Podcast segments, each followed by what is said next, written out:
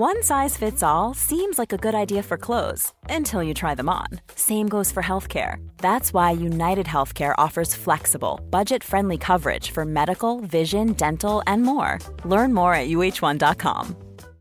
One size fits all seemed like a good idea for clothes Nice dress. Uh, it's a it's a t-shirt. until you tried it on. Same goes for your healthcare.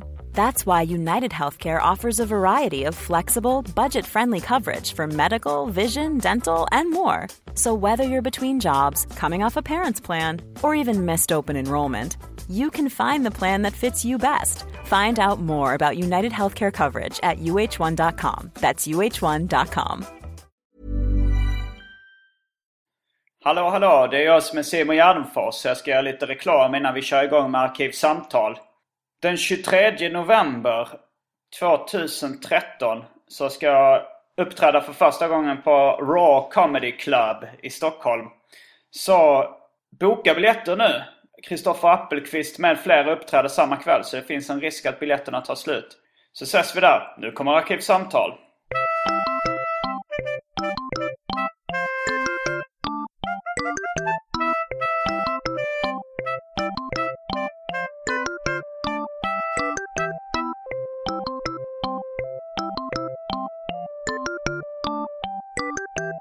Hej och välkomna till Arkivsamtal.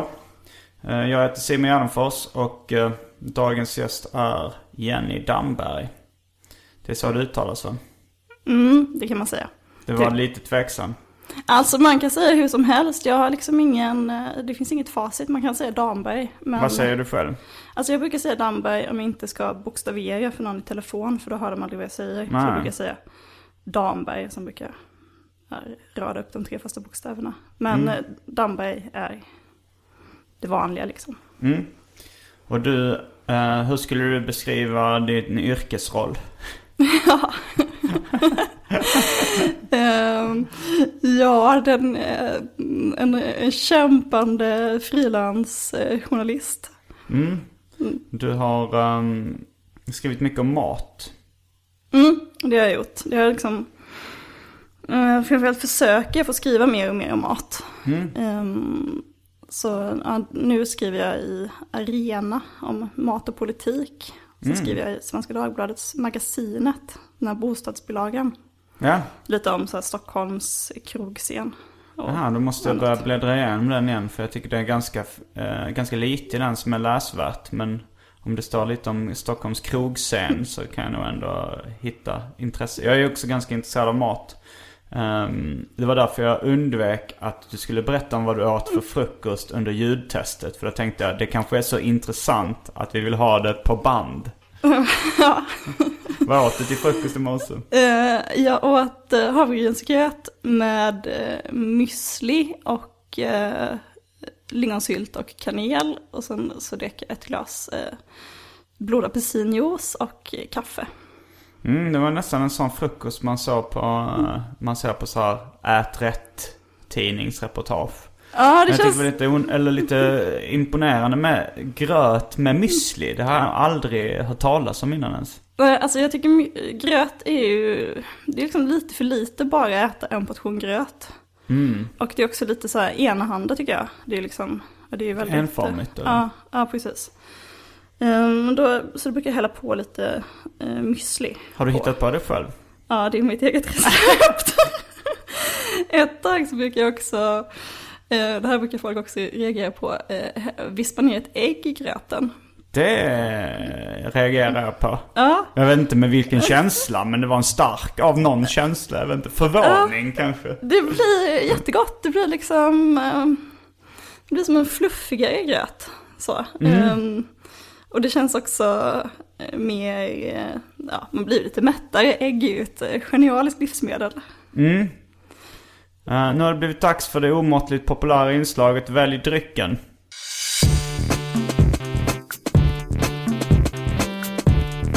Jag tror vi börjar med det fasta inslaget Välj drycken! Yippee! Då har jag skrivit upp lite grejer i min bok. Uh, Välj drycken-boken.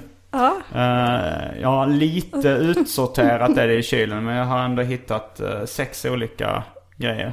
Okej. Eh, det finns Chivas Regal Blended Scotch Whisky. Eh, Pepsi Max. Eh, drycken En Frisk Fläkt. Den har jag talat om tidigare här. Mm. Är det fortfarande ingen som har druckit den? ja, men. ja okej. Mm. Eh, Dry Martini. Avslagen Coco Bahia. Och för tråkmånsar och nejsägare Vatten. Vad är Coco Bahia? Coco Bahia det är en, eh, gammaldags läsk som smakar eh, kokos och ananas. Som fanns för, alltså det, jag vet inte, jag borde ju slänga den. Den har funnits kvar där lite för komisk effekt. Men så jävla kul är det inte att säga Coco Bahia varje gång. Eller så borde jag köpa en ny. Men, eh, men vad väljer du?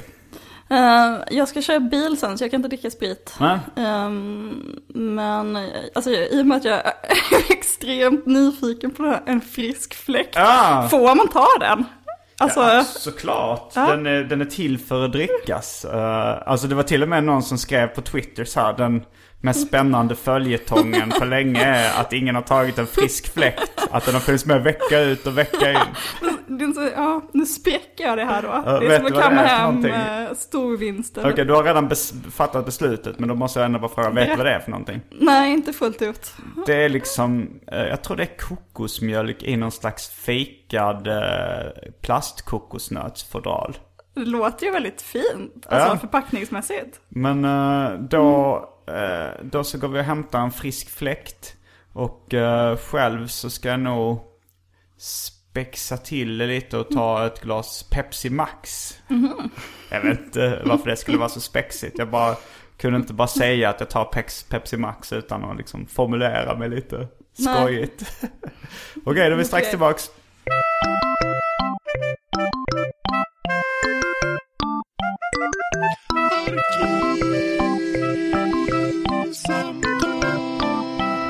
Ja, då är vi tillbaks till med ett glas Pepsi Max som ni hör här. Den eh, prasslar lite av eh, kolsyran.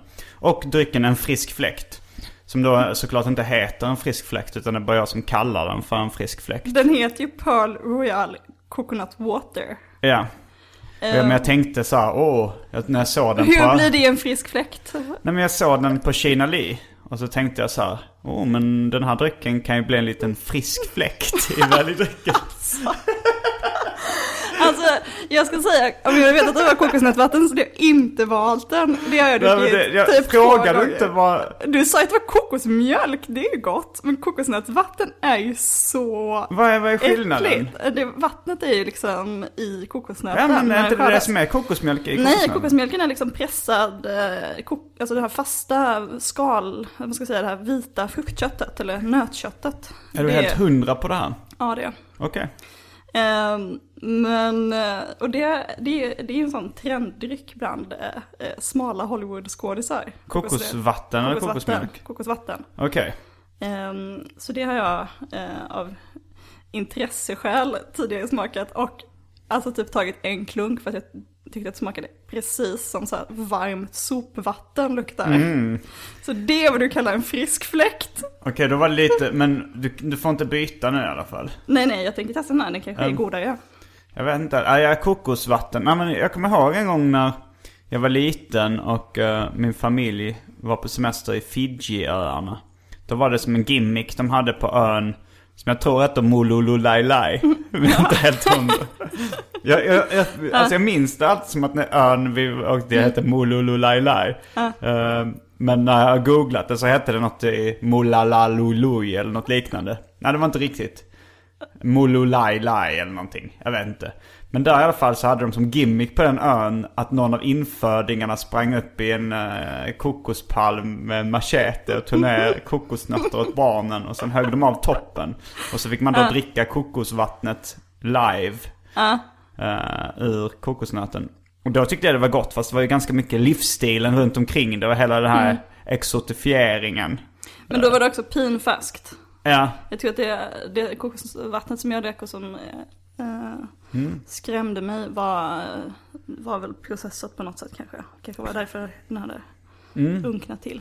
Ska du öppna den då så läser jag ett brev så länge. För det, här är, det är någon, ett inslag i Arkivsamtal som är ignorerat under en längre tid. Men med, den verkar Ja. lite krånglig att öppna. Ja, jag måste då- säga det är en väldigt, väldigt fin förpackning. Då, ja men den har vi ett foto på nu. Som kommer komma upp på gardenfors.blogspot.com. Jag råkade säga ett äh, där. Det ska ni inte skriva ut utan gardenfors.blogspot.com. Nu läser jag upp ett brev. Hej Simon. Jag heter Sebastian Flodström, är åklagare i Gävle och har den senaste tiden snöat in rätt rejält på Arkivsamtal. Eftersom du och Henry Bauer senast pratade en del om brottsregister med mera så tänkte jag klargöra läget. 1. Du har rätt i att det inte skulle finnas någonting som heter prick i registret. Men inte riktigt eh, på rätt sätt tror jag. Det finns ett register där det registreras vilka brott människor begått. Men inget som heter prick. Och inget system där man inte får ta körkort eller något eh, efter något visst antal brott eller så. Däremot kan det bli problem att ta körkort om man i sin ungdom kör bil utan körkort med mera. 2. Du var garanterat 15 plus när brandbilsincidenten utspelade sig eftersom du måste vara straffmyndig för att kunna få en åtalsunderlåtelse. Du har haft ett belastningsregister eftersom en åtalsunderlåtelse är en lagföring även om eh, det dock är en lagföring utan straff. Eftersom det var så länge sedan har det gallrats ut ur registret numera. För övrigt kan jag meddela att jag sett till att det finns ett exemplar av Simons 120 dagar i biblioteket på åklagarkammaren i Gävle. Så det kan du mysa på. Mysa på. Fullborda den eh, information. Med vänlig hälsning Sebastian Flodström. Ja men det var ju trevligt. Nu ser vi hur eh, Jenny, vi ser inte det, men lyssnarna eh, kanske hör hur Jenny Damberg eh, tar en klunk av drycken som jag Men valt att kalla jag för en gör frisk inte det för jag förstår inte hur man gör tar sig det? in i en frisk Okej, fläkt. Den det är- blev ett brev till då.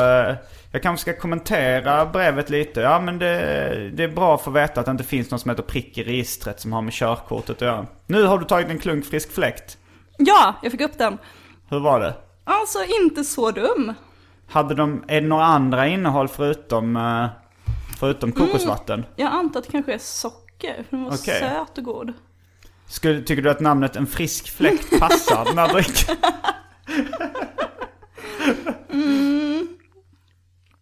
Alltså den är mycket, mycket godare än den, eh, det förra kokosvattnet jag drack som var något så här hälsokokosvatten. Det här var Mm. liksom friskt, ja, mer en, eh, en belönande klunk. En välförtjänt paus. Ja. Mm, ja, jag sitter här och dricker. Ja, nej men eh, det var ju trevligt att eh, Simons 120 dagar eh, finns i biblioteket på åklagarkammaren i Gävle nu. Den boken har du för övrigt intervjuat mig angående när jag var, när jag var på första dagen under Simons 120 dagar, eller andra dagen tror jag. Ja, jag tror du bodde hemma hos en kompis va? Mm, hos Pike. Ja, jag har ju intervjuat dig jättemånga gånger. Det är Ja. kul att rollerna är ombytta nu. Jag tror att jag har intervjuat dig med anledning av nästan varje bok. Ja, fyra, eller fyra gånger minst. åren. Alltså så att, först var det att jag hade ett, uh, ett internetfanzine som heter Smak. Som skrev om eh, mat och dryck och mest så liksom skräpmat och godis och sånt där.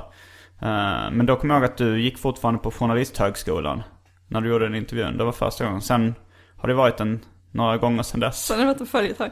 Ja, det var ju så bra smak. ett- Mm.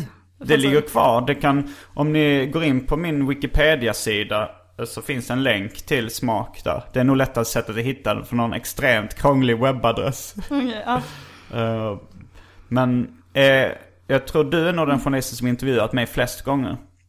Är jag den personen du intervjuat flest gånger? Jag tror faktiskt det. Så nu är det. Ja, det måste du vara. ombytta roller. Ja, det... Lycka, lyssnar du på det här brevet då? eh, har du några kommentarer på det spontant? Eller du kan vara så koncentrerad på en frisk fläkt? Jag, jag var ganska upptagen måste jag erkänna. Men vad, mm, vad kul att du har lyssnare, så, så engagerade lyssnare. Ja. Jag har ett annat brev eh, som jag sa. Hej Simon G. Tack för en kul podcast. Jag har en fråga. Jag är kär i en tjej men hon gillar inte mig på det sättet. Hur gör jag för att komma över henne? Med vänliga hälsningar Thomas Antila. Har du några tips där? Jag vet inte, det kan vara jag som ska svara på. Han kanske ställer frågan till mig. Ja, jag tror du, jag tror du har mer Ja, nej men... med. Jag tror eh, att vänta och kanske att eh, försöka hitta någon annan och bli kär i. Som gillar honom på det sättet. Ja, det är inte.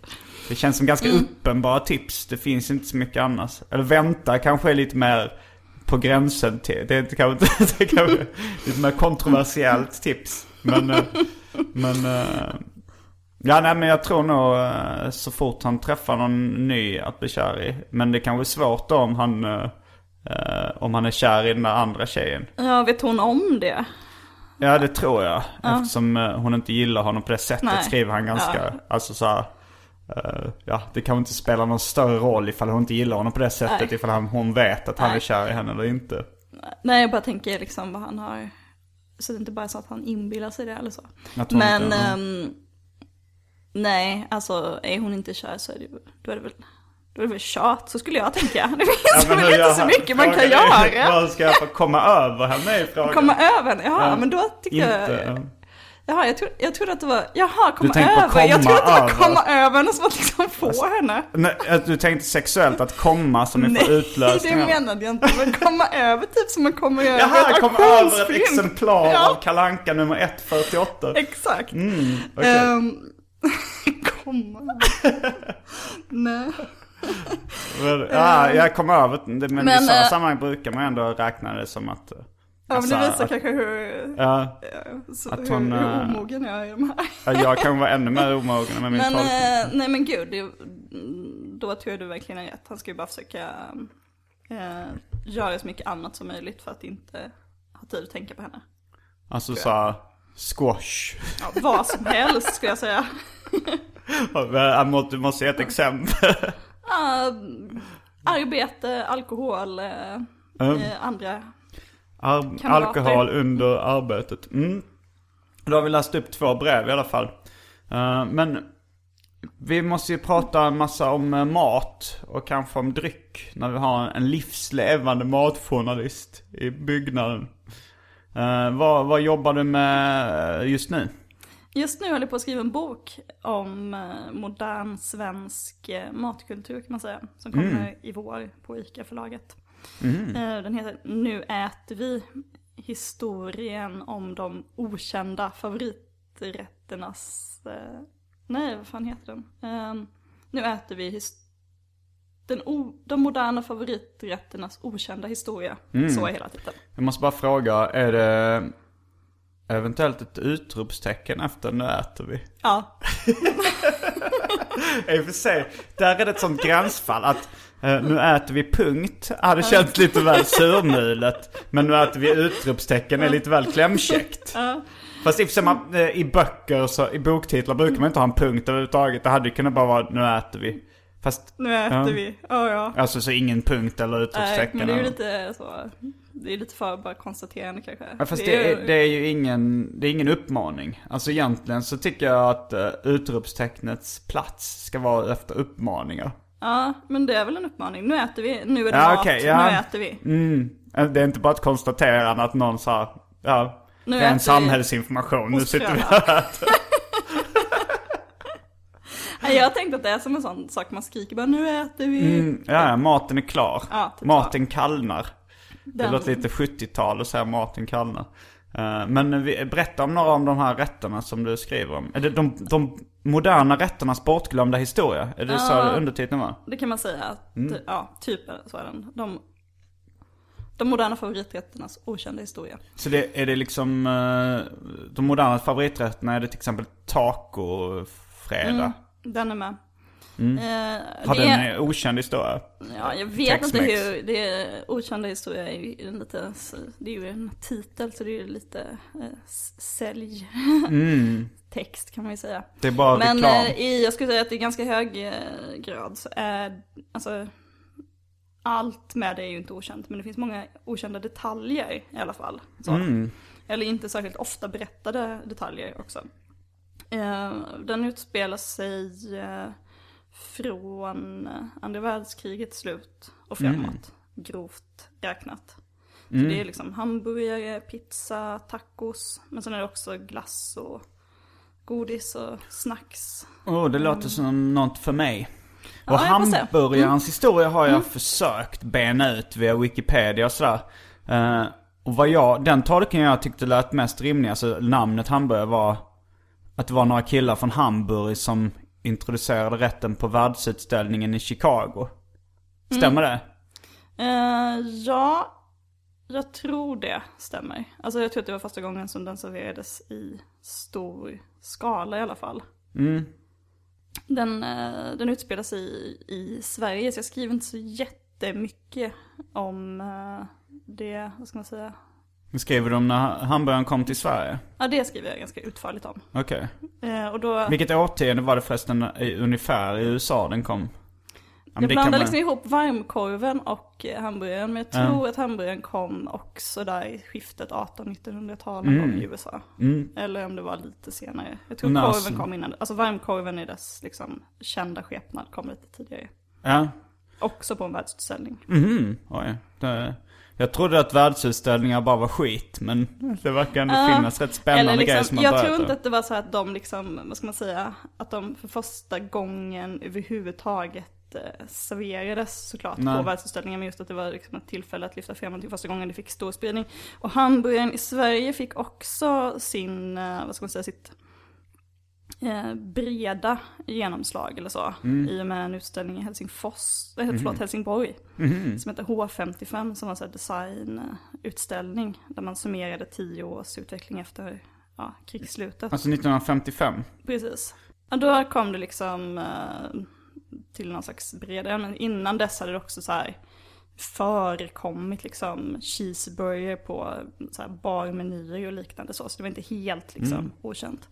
Jag tycker det var rätt bra att du sa cheeseburger. För jag tycker det är lite inkonsekvent att säga cheeseburgare. Som de säger på de flesta ställen i Sverige. Alltså för då är det ju så att ost på engelska och sen burgare på svenska. Då kan man ju lika gärna säga ostburger. Jag tycker antingen ostburgare eller cheeseburger. Ja. ja, tur att jag balanserar detta. Eh, nej men sen, eh, ja, sen kort därpå så dök den liksom upp i så här, kokböcker och så också. Eh, Olika hamburgervarianter. Men när det sen liksom började serveras mer permanent eller så, det var 1957 på ett ställe som nu heter Vegagrillen i Haninge. Eh, Där det fanns en man som hette Erik Engström som hade själv varit i USA och sett hur det funkade i USA. Okej, och Bara, den shit, finns det här kvar? måste jag försöka sätta igång. Ja, det finns fortfarande. Men då var det fortfarande så att kioskverksamhet var väldigt strikt reglerat. Det fanns liksom eh, listor på vilka saker man fick sälja i kiosker. Och i grillkiosker fick man bara sälja korv, typ sill, köttbullar, ja, ketchup, senap och möjligtvis bostongurka. Ehm, Var det av hygientekniska skäl då? Nej, jag tror att det var mer av något slags så här eh, närings... Eh, alltså Mm, affärspolit, nej, nej, affärspolitiska skäl liksom. Alltså så att eh, kiosk, kioskverksamheten var liksom i Sverige fram till 60-talet någon gång. Och i vissa fall ända in på typ 80-talet. Ett sätt att eh, för staten att sätta folk i, som inte platsade på den liksom vanliga arbetsmarknaden så. Att ge folk jobb, folk som var, man kallar det för folk som var, om man var partiellt arbetsför, om man till exempel var handikappad, alltså hade något fysiskt handikapp eller så. Fanns något de- nedsättande ord för folk som jobbar i kiosker? Eh, jag vet, det måste Alltså jag ha gjort. tänkte, nu när du sa det, jag tänkte att ordet kioskmongo måste ju ha förekommit någon gång. Ja, det jag gjorde det säkert. Ehm, nej, men det, det var väl inte, det, men det var väldigt, det var i alla fall väldigt svårt att liksom få driva kiosk. Det nästan enda sättet var att ha någon, alltså så, form av, vad ska man säga, ursäkt eller så. Ehm, och därför så kunde jag också, eller överhuvudtaget var ju liksom affärsverksamhet var ganska strikt reglerat var man fick sälja varor och sådär. Man fick liksom inte sälja mjölk och kött i samma butik länge. Nej, det är Ja. lite kosherregler nästan. Ja, ja det var ju det. Ehm, Det upphörde sen. Men sen så, ja. Men kioskerna levde kvar ganska länge och antagligen därför att de var så pass lätta att reglera i och med att det var en ganska svag grupp som man liksom um, hanterade där. Som hade liksom fått det här som ett ja, villkorad komma verksamhet. Så. tillbaka. Ja, men i alla fall, det, det fanns ju många som kämpade emot det också. Den här Erik Engström var en av dem då med sina hamburgare. Mm. Eh, men det blev, eh, blev jättepopulärt på en gång så. Mm. Han har berättat själv så att innan dess fanns det liksom bara pannbiff att få tag på. Det kunde folk typ kalla för eh, hamburgare, men det var ju inte det. Han gjorde riktig hamburgare liksom. Mm. Jag tycker det är intressant att du nämnde bostongurka som en av de uh, få grejerna som fick säljas. Alltså var inte det bara tillbehör till korven då? Utan, eller beställde Jo men det som en- tillbehören var också reglerade. Aha. Till exempel ketchup fick man inte, när ketchupen kom så var det, det krävde liksom eh, hårda förhandlingar innan man fick börja ha det i kioskerna. För innan, det enda som stod liksom upptaget i de här listorna var senap. Och det Oj. som då inte fanns listat, det var per se förbjudet att ha. Jävlar. Så jag är chockad en, känner jag mig nu. eh, Att de reglerade. då, alltså så här, om man, om man har uh, gurkmajonnäs. eh, om det inte stod att man fick sälja det så var det strikt reglerat att man inte fick göra det. Precis. Men bostongurka är ju eh, en svensk uppfinning. Mm. Att, jag vet inte varför, varför de tog eh, namnet Boston. Eh, det, Har kan du jag, koll på det? det kan jag också berätta. Jo, det berodde på att han eh, som drev Felix, som heter Herbert Felix, Mm. var i Boston. Och så, de har ju så relish där Mm. till Är det korven. green relish eller vad heter det? Ja, jag antar att det är det. Och de gjorde då på den tiden skivad gurka bara. Då blev liksom ändarna på gurkan över. Mm. När han såg det här eh, relishen som är så finhackat liksom, Ja. eh, grönsaker. Men det är kanske inte gurka i green relish Jag egentligen. vet, det måste väl nästan vara någon typ av Mm, gurka. Men då insåg jag att man kunde göra med eh, eh, de här gurkändarna i alla Ah. fall. Liksom ett geniknäpp så. Och sen hade de en pristävling på Felix-kontoret om vad den skulle heta. Och då var det typ hans sekreterare som eh, tyckte att den skulle heta Boston-gurka för att han hade hittat den i Mm. Boston. Så så fick den sitt namn. Det var rätt roligt i, på ett café i Sjöbo. Har vi diskuterat det här förresten? Men får jag berätta det här med Erik. Engström och hamburgarna först? Absolut. PGA, att de var så förbjudna då, de här hamburgarna, så blev han dragen inför länsrätten, eller han fick, ja, de skickade dit, han gick inte Mm. Han dit började själv. sälja hamburgare illegalt i sin Ja. kiosk. Det gjorde han. Ehm, så då blev en av hans, eh, en av hans kompisar gick dit, inte han själv, och någon lokal politiker som ändå tyckte att så här, ja men det är väl okej att han säljer hamburgare. Medan länsrätten var emot det, eller länsstyrelsen, jag vet inte riktigt vilken, ja, en högre instans. Eh, men då ehm, så argumenterade de att så här, ja men det är ju bara platta köttbullar. Mhm. Och då kunde de liksom inte säga så mycket mer. Så de, ja, där, där kom liksom, där fick hamburgaren grönt kort för den svenska marknaden. Men, men vad var skillnaden mellan pannbiff och hamburgare egentligen? Förutom att det var bröd runt omkring. Ja, det var väl det som var skillnaden. Alltså jag tror att det, det var så. Men då eh, hade man bara kunnat noga. säga att det var pannbiff med bröd runt omkring. För att köttbull, platta köttbullar är lite mer långsökt egentligen. Ja, det är sant. Ehm, Så det var på 50-talet det blev tillåtet att sälja hamburgare i kiosker i Sverige. ja, i alla fall i Stockholm var det så. Det var, det var också så att de här reglerna såg olika ut på olika ställen i landet. Men där, Mm. där började det och sen så gick det, sen gick det några sen kom liksom hamburgerboomen på 70-talet med kedjor och sådär. Mm. Och McDonalds var den första eller var det? Mm, McDonalds var typ den första. Det fanns några så små, små kedjor innan, en som heter Carols. Carols. eh, Som fanns i Södertälje bland annat. Ehm, Det har jag sett att det finns kvar någonstans. Alltså som så, som så 50-talsaktig stuk. Tror jag i alla fall. Det kan vara en missuppfattning men. Men, sen- var, det, men var det strikt hamburgerkedja då liksom? Ja, det var det. Men jag vet inte om de hade typ så här, man läser intervjuer med folk som var med då, så det är så här, ja men de hade ju blandkött. Vi hade, ja det var liksom. För jag är rätt intresserad av hamburgerkedjor och sånt där. Men, eh, och enligt mig så finns det bara i Sverige McDonalds, Burger King, Max och Frasses egentligen. Jag räknar inte Sibylla för det är liksom ingen renodlad, eller de har inget, en, inget direkt fokus på hamburgare. Finns, vet du, känner du till några andra kedjor i Sverige? Nej, inte som eh, finns i någon större omfattning. Alltså det är ju en, en då känner du också till Klock. Klock, såklart. men den finns väl inte kvar? Nej. Men Klock åkte på när jag var liten faktiskt. Här i Stockholm. Ja. Men eh, jag måste komma tillbaka till den här Ja, förlåt. omröstningen. Eh, nej men den här omröstningen, det var eh, debatten om ordet negerboll. Den var kanske lite extra stark i Sjöbo. Eftersom de har haft den här uh, rasistryktet länge med, efter omröstningen om flyktingförläggningar. Där de röstade emot. Eh, och då så hade de en omröstning. Det var något stort café då som liksom hade kallat, eh, som alltid hade kallat det negerboll. Men så ville de byta namn. I Sjöbo så fick folk eh, rösta på vilket, vilket ord de skulle använda istället. Vem var det som höll den här omröstningen? Caféet. Caféet, ja. Och då vann ordet brankoboll. ja, det, jag, det Betyder det något C. på skånska? Eller? Nej, det betyder ingenting. Och de, då, jag tror de sa att det bara var ett namn. Eh, att så den gamla isla ursäkten, det är bara ett namn. Men, men när jag googlade Branco, det stavas med C i mitten då. Då eh, var det tydligen en, en stad i Portugal. Så det är Branco. Men jag har försökt säga Brancoboll. eh, men det är ingen som, förs- som förstår. Jag undrar om jag det har inte fortfarande fått heter genomslag så långt Brancoboll. utanför Sjöbo.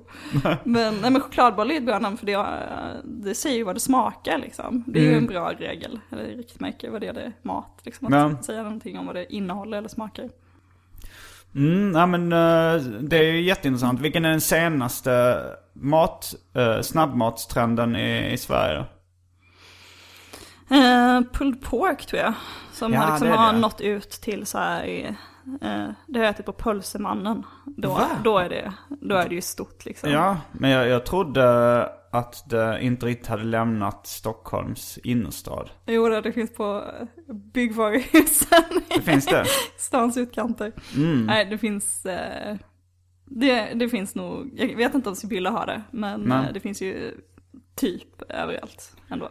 För det kändes som att dumplings var lite på väg att bli en ny trend, men det fick aldrig riktigt fotfäste. Nej, inte på det eh, superbreda sättet. Nej. Men det finns ju, dumplings finns ju ändå liksom i färdigdisken, så frysdisken numera. Dumplings. Ja. Skulle du kunna vandra oss igenom Sveriges snabbmatshistoria lite kort? Eller det behöver inte vara kort, det kan vara lite långt. Jag är bara nyfiken. Ja, men först kom ju då korven från eh, någon av de här världsutställningarna i USA. Den kom till Sverige på Stockholmsutställningen som var i slutet, jag tror det var 1897. Oj, oj, det var innan 1900-talet alltså. Ja, Då kom Då- varmkorven i bröd. ja i bröd eller i papper, det är lite, Ja. eller med potatismos, det är lite olika bud. man bara fick det i ett slappt papper.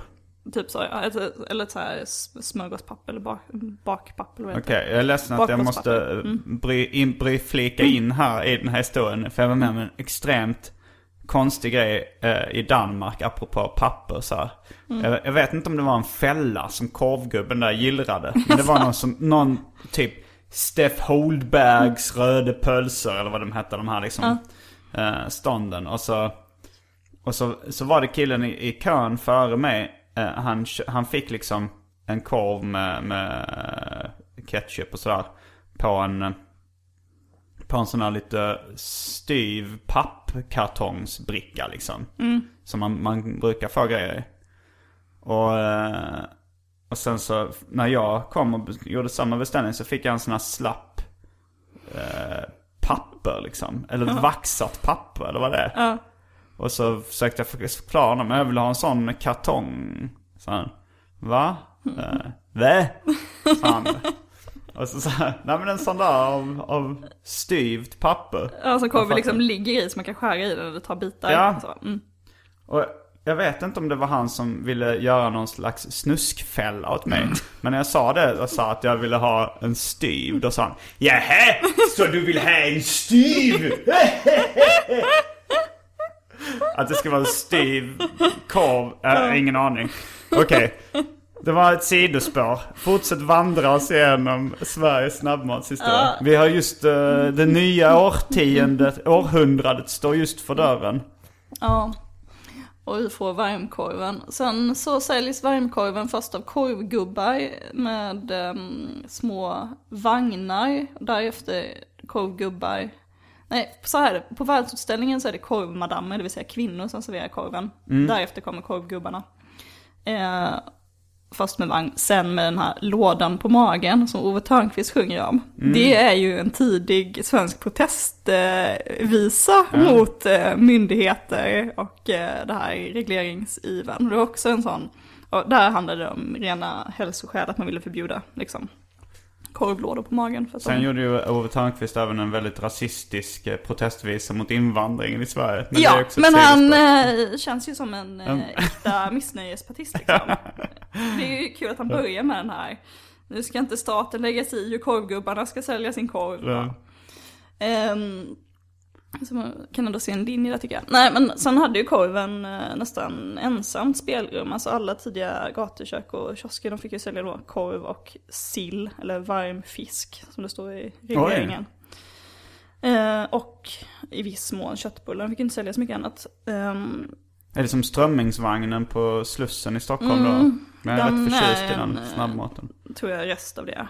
Mm, mm. Ehm, Men en ganska ensam sån känns det ju som. Mm. Samtidigt. Det Ehm, finns på vissa gatukök och sånt har de ju fortfarande strömming. Nystekt strömming som det brukar kallas. Mm, det känns alltid väldigt lyxigt när det finns. Mm, det Det är är, gott. verkligen, ja det är asgott faktiskt. Eh, sen kom hamburgaren som vi har ehm, gått igenom här. Mm. Och eh, sen så... Jo men det här, eh, när jag frågade om du kände till klock, det var ju för att jag ville älta det här med statens ägande inom snabbmatssektorn lite också. Mm. För det var ju väldigt kul. Ehm, då, Häst Klock var ju en delvis eller helt statlig. det var en helt statlig Mm. kedja till att börja med.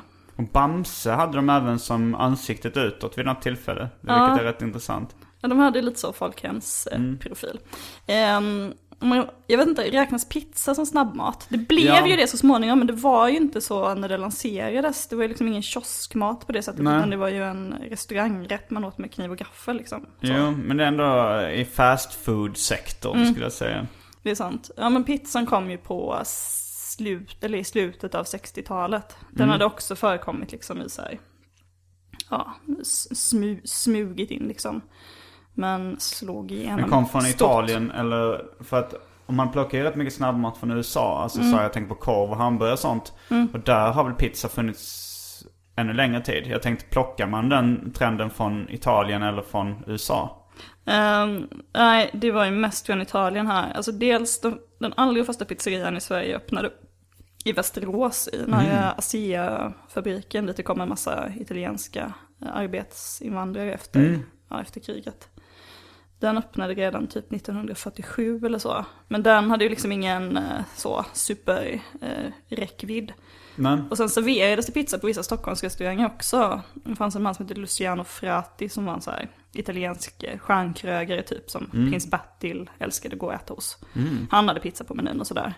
Men det var först 1968 som Bengt Vedholm som var sån här, ja, jag är kompis med hans son Hjalmar Wedholm. Aha, vad kul. Han har till och med varit med som provsmakare i, jag hade en skräpkulturshow på ZTV. Då är det Ja.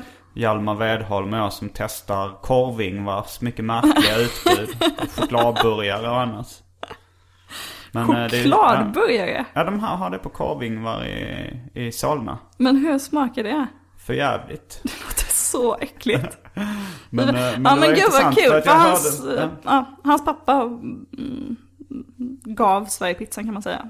Mm. Ja men det, det hörde jag ryktas men eh, jag visste inte om det var, var, om det var falsk fakta eller riktig. Nej, han startade det som var den liksom, eh, den första eh, hippa pizzerian. Men sen där, därpå så följde det ganska snabbt liksom en så här, eh, liksom rassel till. Det var som att han sparkade in dörren så. Eh, och då fanns det också... eh, Men vad, vad hade han, han hade inte Vedholms fisk var väl den restaurangen som han blev känd för? Eller som, Ja, Han var känd innan dess liksom. Okej, han var han väl hade- som typ så här Erik Lallestedt eller någonting. Okej. Alltså på in, in the days så. Mm. Ehm, nej, det här var en restaurang som heter Östergök som låg vid eh, Karlaplan typ. Okej. Ehm, men sen var det en snubbe som hette Pepino Sperandio som var italienare och som bodde i Stockholm. Som liksom bara hade bidat sin tid typ. För han bara pizzan det måste liksom så här, det Vad måste betyder slå. bida sin tid? Att man, man härdar ut? Ja, man Okej, väntar mm. på, på att tillfället ska bli rätt typ. Mm. Ehm, och det blev det när Bengt Vedholm hade liksom så här, Mm, ja, sparkat gjort, det lite, gjort det till en möjlighet att äta pizza. Så han, ehm, han startade liksom en, si, eller liksom han öppnade en pizzeria efter pizzeria. Och enligt en så här eh, smart affärsmodell där han höll väldigt låga priser, riktade sig till ungdomar som ingen brydde sig om. Det är också ganska intressant om man ser på liksom eh, mathistorien så, vilka grupper som har liksom räknats som, eh, som värdefulla kunder, om man ska säga så. Han såg liksom den här ungdomsgruppen som ingen riktigt att fasta på, som kanske inte hade jättemycket pengar men som var beredda att testa någonting nytt. Men jag läste i Snabbmatslandet, eh, den här boken om skräpmatens historia. Eh, där, där var det ju McDonalds som jag slog igenom på, det var kanske på 40 eller 50-talet. Och då var det just det också att de riktade sig mycket till ungdomar. Eh, Så eventuellt kan han ju varit inspirerad av den liksom, succén. Det var också en säkert. kedja liksom med många lågprisställen. Liksom. Ja, jo men han var en sann entreprenör liksom. Och han hade också så här, han såg till att liksom eh, öppna upp köken, ha väldigt snygga servitörer och pizzabagare. Som hade, de hade liksom inte så här, den här strikta stilen som fortfarande var vanlig på restauranger utan de hade så här tajta vita t-shirts och eh, på så sätt så lockade han ju också unga kvinnor som också var en helt förbisedd grupp. Alltså så. Då, då har han nog inspirerats av McDonalds-grejen. För där var det samma Mm. sak att de hade att eh, ti- tidigare liksom snabbmatsställen hade snygga tjejer i kassan. Men då lockade Mm. dit buspojkar. Vilket var dåligt liksom. Men istället om de hade snygga killar så Mm. lockade dit tjejer. Och så blev det liksom och det i sin tur lockade dit killarna. Så då var det inte bara Nej, killar det var som liksom kom, blandat från början. Ja, men vad smart. Ja, för det är ju också kul om man läser liksom om de här, om typ Max till exempel. Jag har läst gamla sådana här, det finns en tidning som heter Fast Food Magazine som riktar sig, en sån branschtidning. Och branschtidning är ju ganska kul för där får man borde jag lite... prenumerera på. Ja, men där får man ju lite annat perspektiv så. Mm. Eh, och då är det så här, bland annat så pratade de om eh, möbleringen på Mm. Max-restaurangerna. Det här är typ i början på 90-talet. När, när grundades Max? På det? Mm, det grundades också typ, det, det, det grundades typ 1968. Mm. Eh, alltså jättetidigt men då mer som ett gatukök. Så Okej. är inte som en renodlad liksom, hamburgerbar från början. Men, eh, ja, men då säger de i alla fall så här, någon Max-representant att så här, nej men nu har vi lösa stolar i alla restauranger. Mm. Det var ju otänkbart för 15 år sedan. Det är bara korkat att ha fasta stolar. Ja men det måste ju varit för att det var så stökigt för att folk Ja. så här lyfte stolarna och Ja, liksom lät slogs med dem liksom. Ja, Alltså så typ. jävlar, ja. Ehm, Gammal det var vilda s- västern-style. ja, ehm, ja. Men, Fler, fler snygga killar i kassan. mm, så det var Ehm, pizzan eh, och, och det kändes som en ganska tidig också så här snabbmatsrestaurangkoncept. Ja, det var ju i alla fall en, budgetkrog liksom som var samtidigt lite flärdfull. Annars fanns det ju sådana här folkrestauranger och liknande som var liksom mer, vad ska man säga, svensk eh, traditionell husmanskost eller så. Typ Mm. Men vad bönor i hette, burk hette den kedjan liksom? Östergök eller? Alltså, Nej, många- hans kedja, det var liksom inte som en kedja utan det var Nej. liksom en, ett antal pizzerior. Den mest kända tror jag heter Piazza Opera och låg vid, eh, Mm. eh, ja, vid nära op- Operakällan. Liksom. Så de hette olika saker alla restaurangerna? Okej. Det gjorde de. Eh, ja men det var pizzan och så fanns hamburgarna och korven. Och egentligen på ytan så är det inte som att så mycket, det går ju, det är inte så många rätter som har lyckats ta sig in. Det är ganska liksom eh, Mm, men sen, snäv. Alltså jag, sen föddes ju, vi är väl ungefär lika gamla? Eller hur gammal är du? Jag är född 81. Jag är född Ja. 78. Eh, men så jag minns ju liksom, när jag var liten så fanns ju pizza och hamburgare innan Mm. jag kunde minnas. Men jag, jag minns när kebaben slog igenom till exempel. Ja. Hur Eh. minns du det? Ja, Jag minns att jag var inne i Lund med, vi bodde i Hjärup då så liksom Lund var närmaste hyfsat stora stad. Och så gick vi till någon, eh, någon, något kebabställe och, och käkade där liksom. Och, det, och, jag, och min, eh, och fick en sån här typ festis eh, tetra. Som min, min syrra kallade för en juicestrut. Och sen så när hon har druckit upp sin juicestrut så gick vi till tåget då och skulle åka tillbaka till Hjärup. Och då så kom hon på att hon egentligen ville spara sin tomma juicestrut. Eh, och skrek det hela vägen hem. Jag vill ha min juicestrut! Jag vill ha min juicestrut! Så det är mitt starkaste minne från, från den, den upplevelsen. Och jag och min brorsa började ju citera ordet juicestrut och har sagt det för resten av våra liv.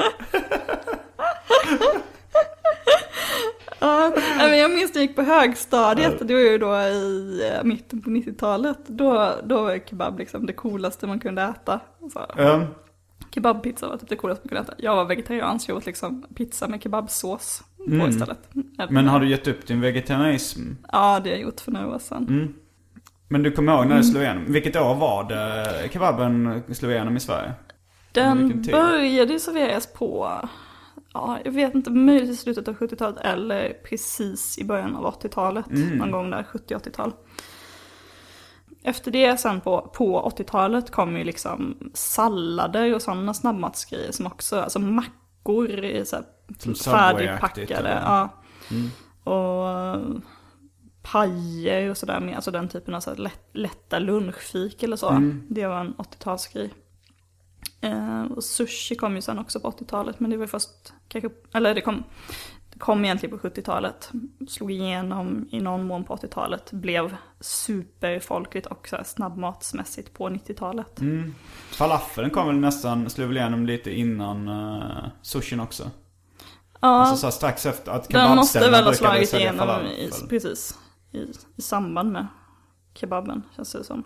Mm. Fast det var lite efter. Mm. För jag kommer ihåg att jag, jag käkade kebab i Lund när jag var Mm. liten. Och sen när vi hälsade på släktingar i, i Tel Aviv eller något sånt där. Så käkade vi falafel där. Mm. Det var rätt poppis liksom gatumat där. Och sen kom jag Mm. tillbaks, eller det var en kort eh, semester eller en eh, resa då. Men sen kom jag när jag började högstadiet så var det en vegetarian i, eh, i min klass bara. Mm. Eh, Mattias hette han. Och då fick vi gå igenom typ våra favoriträtter. Mm. Och då sa han att hans favoriträtt var falafel. Men det var bara jag eh, som visste vad det var förutom han liksom. Att Mm. det var helt okänd mark. Och det, det, det här var ändå 90-tal. Ja, Eh, så det hade inte slagit igenom då. Men sen, sen kom det med stormsteg. Alltså så också Möllevångstorgets gentrifiering gjorde ju ganska stora grejer för falafeln. Ja liksom, men att man falafeln fick ju så. också ett sånt starkt fäste just i Skåne. Det är Mm. intressant att det liksom i Malmö är en sån liksom självklar Mm. sak. Varje gång jag är i Malmö så äter jag liksom falafel. I Jag Stockholm äter jag det ganska sällan. Är den ännu bättre? Ja den är bättre. Alltså så här, det finns ett ställe på Bergsgatan ganska nära Möllevångstorget som heter Sara. Där de bakar nytt bröd på beställning. Väldigt gott och fluffigt bröd. Och sen så har man uh, halloumi och valfri sås och lite olika ingredienser. Det, det äter jag alltid när man... Men vad var det du skulle säga? Du käkar alltid... För det, det är inte lika gott i Stockholm, falafel, som i Malmö tycker inte jag. Nej jag har inte ätit någon jättegod falafel här överhuvudtaget. Nej. Eh, Så jag äter inte det så ofta ute. Men ehm, ja, men det är ju också, alltså vad ska man säga, man ska säga saker mer generellt om snabbmaten. Man ska ta den här historien med klock, för det tycker jag faktiskt är eh, så kul. Att det var, så här var det då. Staten hade under större delen av 1900-talet bedrivit restaurangverksamhet som ett led i att minska eh, supandet. Man tog över restauranger, på samma sätt som man startade Systembolaget så tog man liksom över många restauranger för Ah. att kontrollera utskänkningen. Eh, sen upphörde den strikta kontrollen 1955 när motboken också avskaffades. Som liksom reglerade hur mycket man fick eh, köpa ut. Mm. Eh, Var det Men- bara för på grund av liberalare tider eller var det någon annan anledning man avskaffade motboken och Ja, folk... Folkviljan tror jag. var stark. Ehm, nej, men man tyckte också det fanns många olika argument. Bland annat att så här, ja, men om det är reglerat liksom, hur mycket man får köpa, då tycker folk att de måste köpa ut allt. Så, Det är bättre att det är fritt. Ja. Plus att den var ju gravt orättvis. Som kvinna fick man köpa en liter sprit om man hade tur i kvartalet. Som man fick man köpa 12 liter. Så det var helt... Alltså den var, plus att den diskriminerade klass jättehårt. Oj. Alltså man var typ, om man inte, ja man skulle liksom vara man och vid stadkassa för att få köpa sprit. Så, så det var omodern, Men minst eh, sagt. eh, 12 liter i veckan? Nej, i kvartalet. Kvartalet? Okej, Ja. det är inte jättemycket nu. Nej, det är mer än en. Ja, jo. Men, ehm, men ja, så den upphörde och den här liksom, egentligen så upphörde ju den, eh, det liksom jättestarka incitamentet för staten att kontrollera eh, utskänkning då på restauranger. Men, och det, det dränerade också den statliga restaurangverksamheten som tidigare hade levt ganska gott på att folk var tvungna att gå ut för att dricka när deras hemmaranson hade tagit slut. Så de, i ett slag så försvann det en massa kunder. Eh, och då tänkte man, vad ska vi göra nu? Jo, vi ska satsa på det som folk vill ha, nämligen grillrestauranger och snabbmat. Eh, så ur det så växte sen Klock fram till exempel. Och vi, är, det, är vi på 70-talet nu eller 60-talet? Nej, nu är vi på 70-talet. Det här Okej. är efter att de har kört en serie. Det började med liksom grillkiosker som egentligen konkurrerade med korvkioskerna kan man säga. Så, som jag tycker kanske. Men grillkiosker sålde även hamburgare då eller? Eh, det ja, vissa av dem gjorde det tror jag. Eh, ja, korv. jo, grillad hamburgare och kött. Ja, Ja. liksom. Va- vanliga grill. Vanliga grillgrejer efter någon slags amerikansk förlaga. Ehm, och så startade man Klock. eh, som växte jättesnabbt. Man investerade jättemycket i Klock. Det var innan McDonalds hade kommit till Sverige antar jag. Nej, det var efter att McDonalds kom Jaha, till Sverige. Ehm, och ja, startade till exempel Sveriges första drive-in, gjorde Oj, Klock. Coolt. Ehm, och hade ett jättebra läge. 1987 så tog Klock också Pizza Hut till Sverige. Då- Va? De importerade Pizza Hut? Ja, ehm, då, alltså i konkurrens med en massa andra eh, snabbmatsföretag, så lyckades man knipa den licensen från Pepsi, eller vilka det är som, ja, är det de som, äger Pizza Hut? Ja, eller ägde då i alla fall. Jag tänkte på det, alltså amerikanska snabbmatstrender som inte riktigt kommit till Sverige Mm. friterad kyckling. Det har funnits Kentucky Fried Chicken i Sverige vid något tillfälle hört talas Men det har aldrig Mm. satt sig. Och inte riktigt det här Taco Bell, alltså så här små tacorätter. Nej, Eller burritos och grejer. nej, det, det är väl nu som det lite grann håller på att utvecklas med så här food trucks och så. Men eh, det är inte, sen kom ju sig, på 90-talet kom ju också de här pastavagnen och liknande. Och sen kom ju också thaimaten. Det var ju, Thai-maten har vi glömt. det är ju en en, stor... men det var ju en Kinamaten- 90-talsgrej liksom. Ja. Kinamaten kanske aldrig eh, blev riktigt den här snabbmatsgrejen. Min Nej, det- mamma berättade att det var liksom, kinamat var väldigt billigt när hon var liten. Att det var liksom, det var väl typ i samma prisklass som pizza eller, alltså så fast food. Mm. Och så är det ju lite i USA också, man säger så här typ eh, Chinese takeout i tv-serier och sånt där. Att de har liksom billig snabbmat, kinesisk mat. Men, men det har inte riktigt blivit så i Sverige. Det är mer så här Kina-restauranger som är på någon mellanprisnivå. Ja, det är intressant just det där med hur olika rätter blir liksom en hemma eller en uterätt typ. Hamburgare blev en uterätt, tacos i Sverige blev en absolut hemmarätt. Det finns så få saker som är lika så förknippade med liksom att så här, samlas i familjen. Och... Det finns ju något så här taco house, eller vad heter det? Taco... Mm, det finns uh, taco bar heter Taco det. bar heter Ja. det.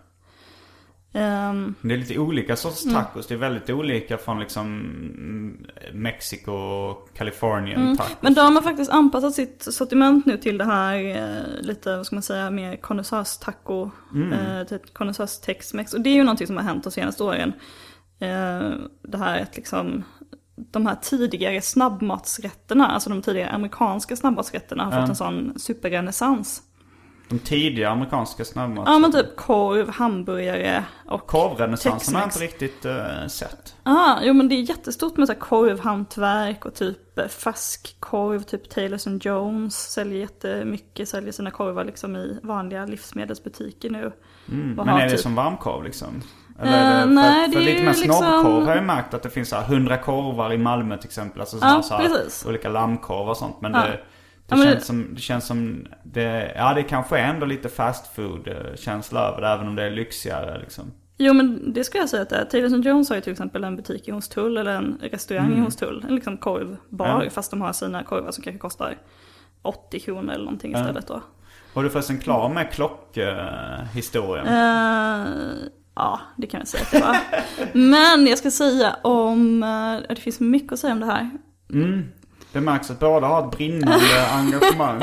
En timme har gått väldigt snabbt. Oj. Eller vi, vi, vi kan prata lite till men... vad, var, måste jag... Jo, men, ehm, nej men jag ska, just det, jag skulle säga, det jag tror att det beror på att de här, just de här tidiga snabbmatsrätterna har fått en sånt upps, liksom, status, liksom, hö- statushöjning. Men folk gör ju sin egen korv och sådär också. Ja. Det är ju att det är vår generation som är uppvuxna med dem i någon slags här, industritappning. Och sen, så, ja, som, som man förknippar ändå med sin uppväxt och sina föräldrar kanske, som inte känns så fräsch längre. Ja. Så för att kunna göra dem liksom till sina så gör man dem i en så här, ja, skitlångsam version från grunden typ. Men pulled pork, alltså jag har mest ätit det, eller jag har inte ätit så mycket men kanske en gång i en sån här hamburgerform på någon, någon eh, restaurang i Stockholm. Men äter man oftast i burgerform eller hur, i vilken form, format käkar man pulled pork vanligtvis?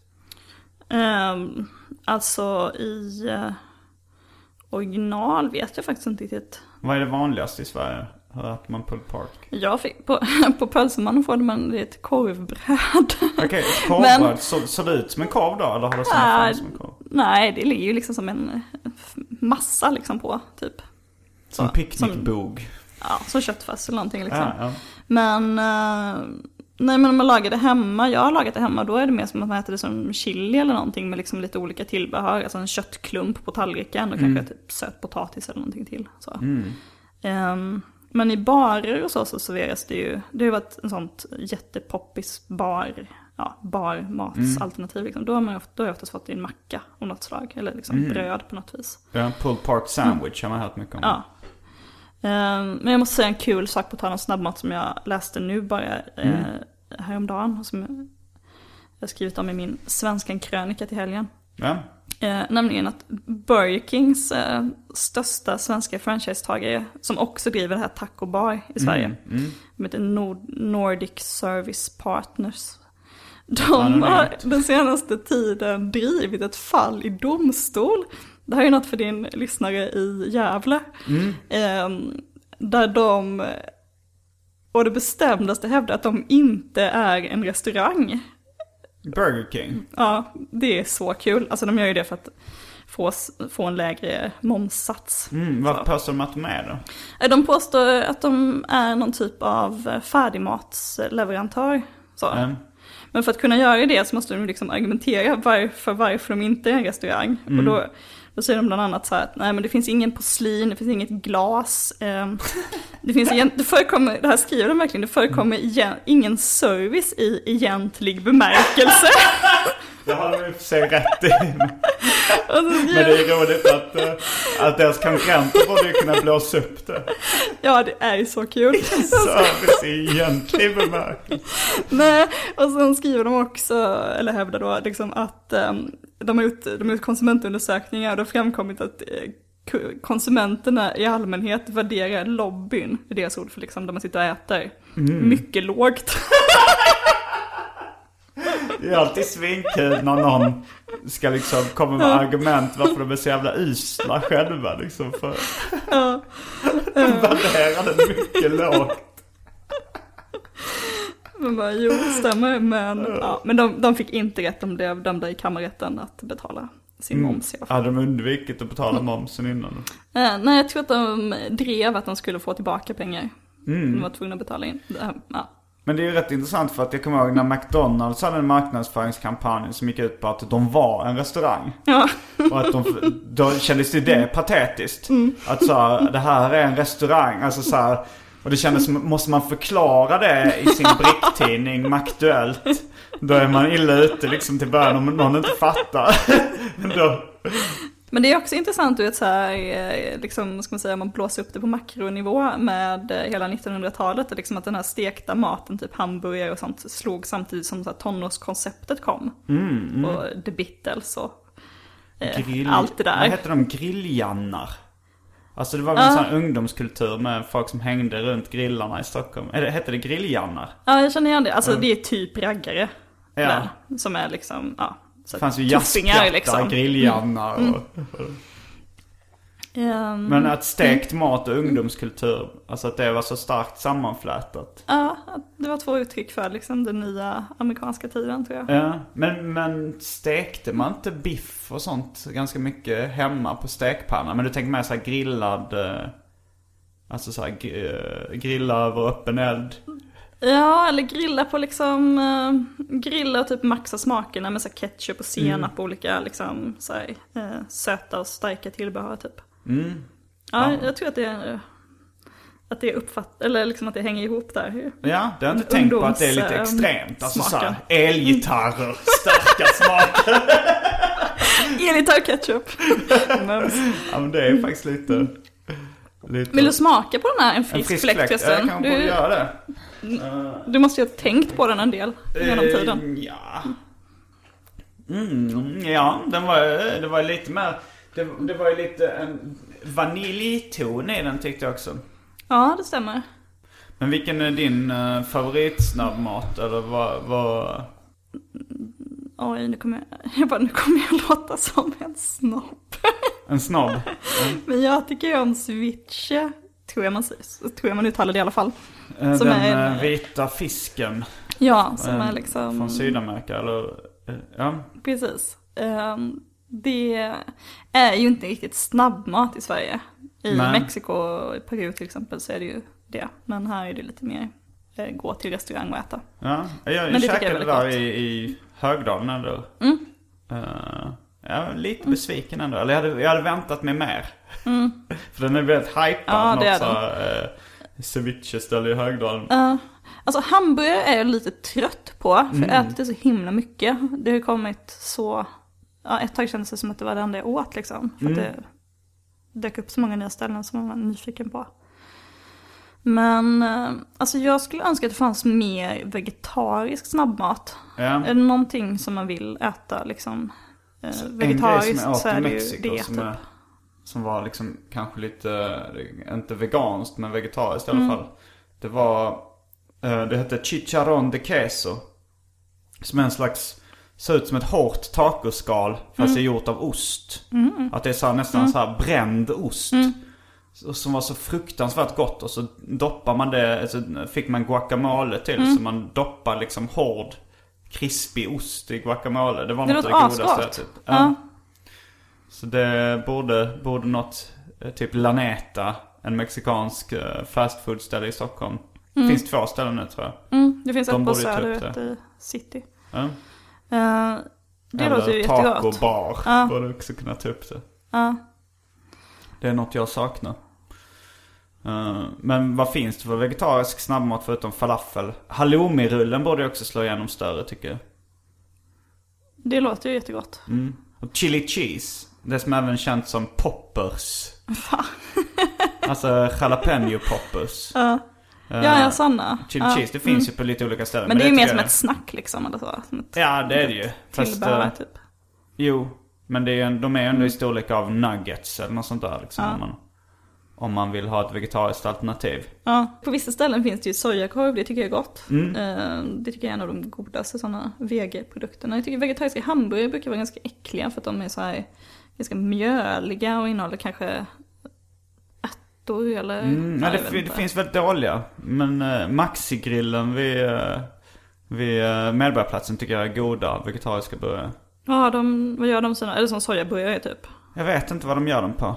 Det finns, det finns ju soja och sen finns det ju sån här man kan göra glutenprotein. Vad finns det mer för sätt?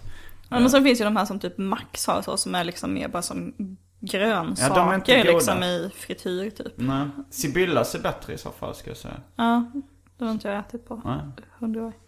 Sen finns det ju också uh, Good Store. eh, Mm. På Götgatan, nej, på Skånegatan i Stockholm. Som säljer ganska mycket så här typ. Där kan man köpa så här veganska eh, kycklingklubbor och nuggets och olika korvar. Och, Alltså jag läste att det var en kvinna i Västerås som öppnat en sån vegansk charkbutik precis. Då blev jag nyfiken. Men Mm. Ja. jag har också, alltså just de här ersättningsprodukterna tycker jag ofta är inte så goda. Måste jag säga. Alltså jag tycker oftast det är, Mm. jag tycker det är godare med typ bönor som bönor är än typ så här en eh, vegansk eh, chorizo. Som Mm. liksom ofta har något så här, jag vet inte. Ja, jag väntar fortfarande på att hitta de liksom goda alternativen. Ja men alltså grejen är att det är ju, det är ganska mycket en vanesak. Men för att man har ju vant sig vid, jag, jag brukar käka en eh, vegansk, en veganlax som de säljer på Good Store. Nästan alltid slutsåld. Men den är jävligt god. Men det är ganska mycket en vanesak. För att man, om man jämför det med vanlig lax så smakar det inte alls likadant. Men man får nä- nästan hitta det goda, alltså så att det är en annan grej som smakar gott. Men, Men jag kan ska- bara önska att de skulle göra sig fria från det här liksom, eh, Härma att det ska vara lax. Varför är det inte en så här, så, ja men, Sploj. det hade nog inte sålt lika bra. ja men typ eh, vegansk julskinka eller annat. Det låter, ja.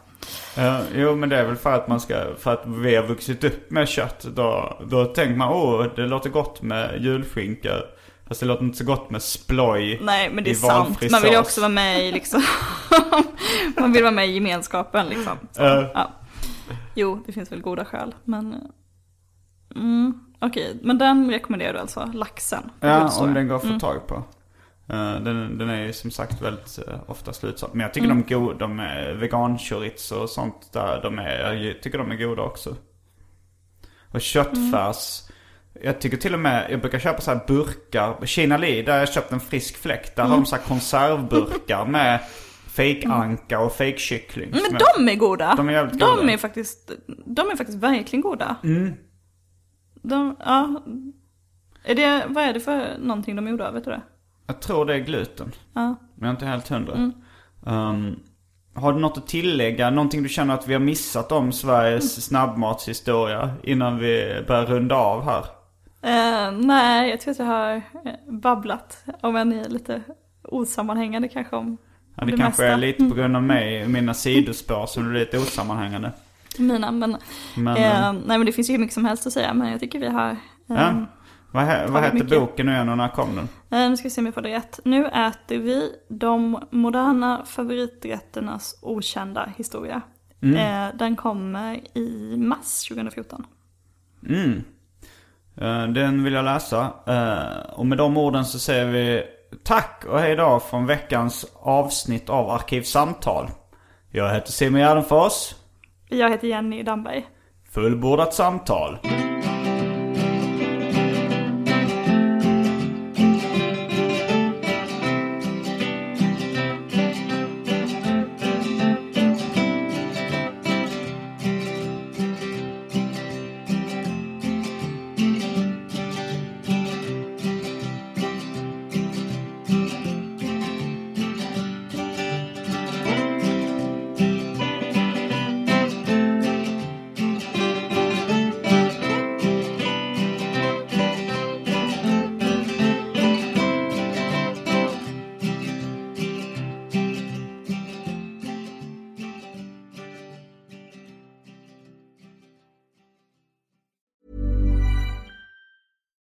We're on a budget, we still deserve nice things. Quince is a place to scoop up stunning high-end goods for 50 to 80% less than similar brands. They have buttery soft cashmere sweaters starting at $50, luxurious Italian leather bags, and so much more. Plus, Quince only works with factories that use safe, ethical, and responsible manufacturing. Get the high-end goods you'll love without the high price tag with Quince. Go to quince.com slash style for free shipping and 365-day returns.